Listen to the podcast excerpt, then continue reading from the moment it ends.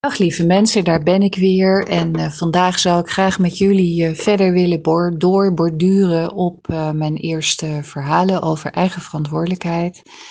En ja, ik kan me voorstellen dat dat best een pittig verhaal is als je hier helemaal niet bij bekend bent. Uh, kom gerust met je vragen. Ik gaf het al eerder aan, uh, zodat we het uh, kunnen uitleggen.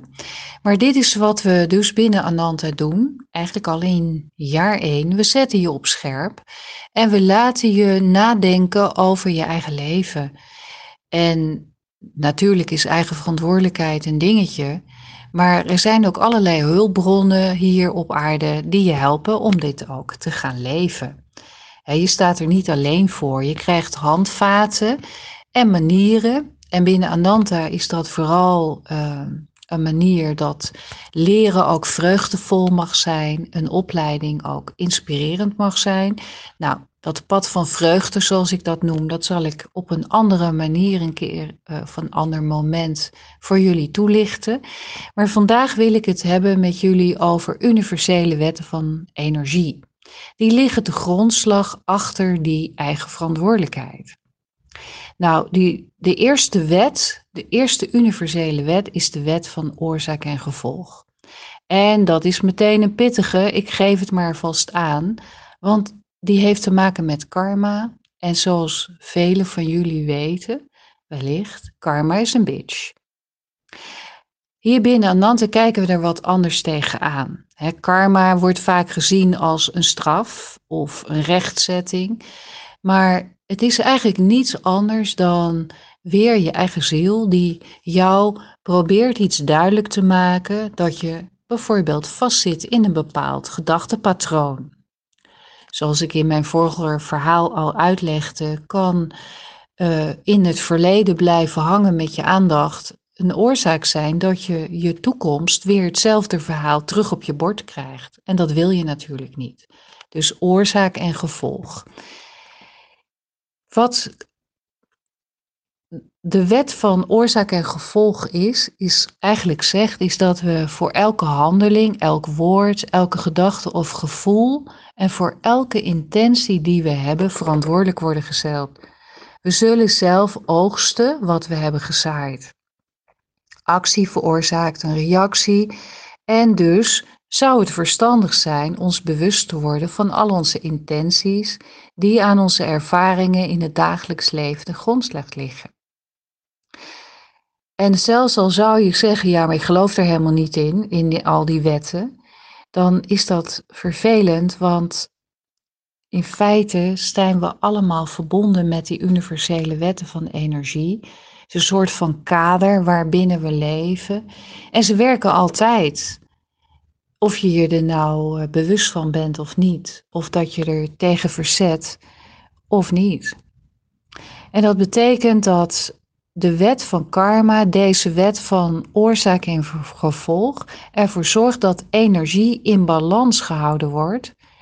En het dient als een onpersoonlijke en liefdevolle zelfs leraar in verantwoordelijkheid. Als je jezelf dus door liefde laat leiden, door de goede dingen, hè, denk, dan is dat ook wat je in, in je leven terugkrijgt. Maar als je je verzet, als je oordelend bent, als je ja, negatief bent, dan zul je ook dat in je leven ervaren. En dan kun je de schuld bij anderen neerleggen, maar dan kom je dus uiteindelijk in een negatieve spiraal terecht. En iedere oorzaak die nog geen gevolg heeft gehad, is een onevenwichtigheid in de energie die opgeheven moet worden. En wat heel moeilijk is geweest voor ons, zeker in, in vorige levens, is dat het in balans brengen van die energie niet altijd gebeurt tijdens je huidige leven. Waardoor je niet meer wist waarom je voor bepaalde dingen in je leven ogenschijnlijk gestraft wordt want we zien het verband niet meer. Ja, dus je kunt heel boos, verdrietig en wraakzuchtig reageren, met als gevolg hè, dat deze reacties opnieuw karma veroorzaken, doordat het leven een wond slaat in je, in, in je, in je leven.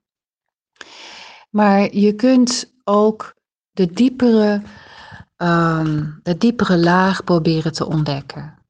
Want hoe pijnlijk het ook is, hè, want het leven slaat wonden, het is altijd een uitnodiging om je bewust te worden wat het geschenk is wat erachter ligt.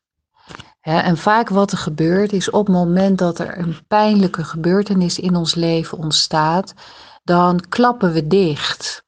We worden boos, verdrietig, bang, we voelen ons ellendig, we voelen ons vaak ook een slachtoffer.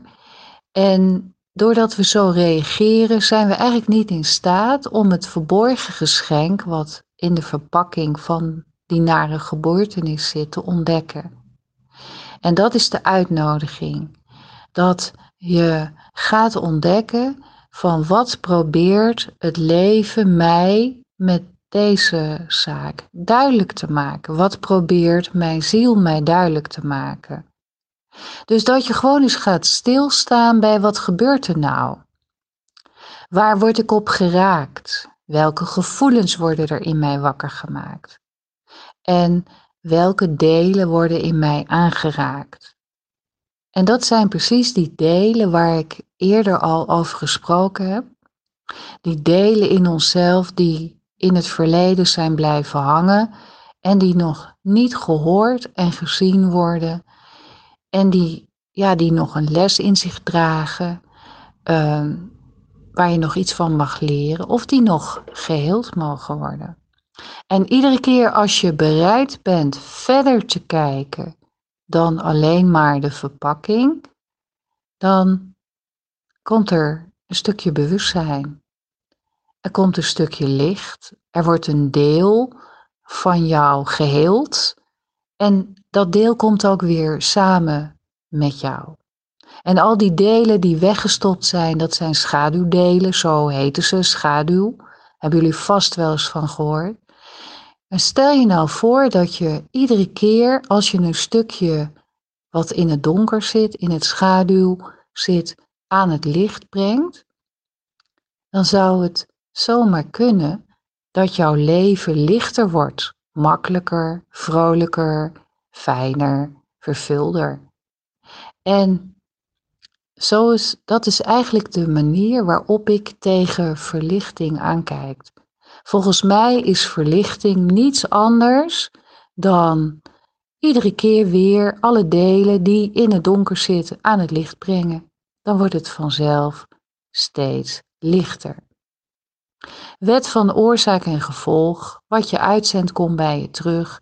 Niet om in je billen te bijten, maar om je te helpen verder te kijken dan de verpakking die het leven op je pad brengt. Nou, ik wens jullie heel veel succes. Ga er eens gewoon mee aan de slag en kijk eens wat er gebeurt als je dit gewoon eens zou uitproberen. En dat is eigenlijk wat de uitnodiging is altijd voor de studenten. We vertellen hier goede verhalen, maar je hoeft het niet zomaar te geloven. En de uitdaging zit altijd in, ga het eens uitproberen, al is het maar één keer. En kijk dan eens of je kunt ontdekken, werkt het voor mij? En als het voor jou werkt, dan weet je, dit klopt, dit is ook mijn waarheid. En dan heb je zomaar wellicht een eerste stap gezet op een leuker leven. Succes mensen, tot de volgende keer. Doeg!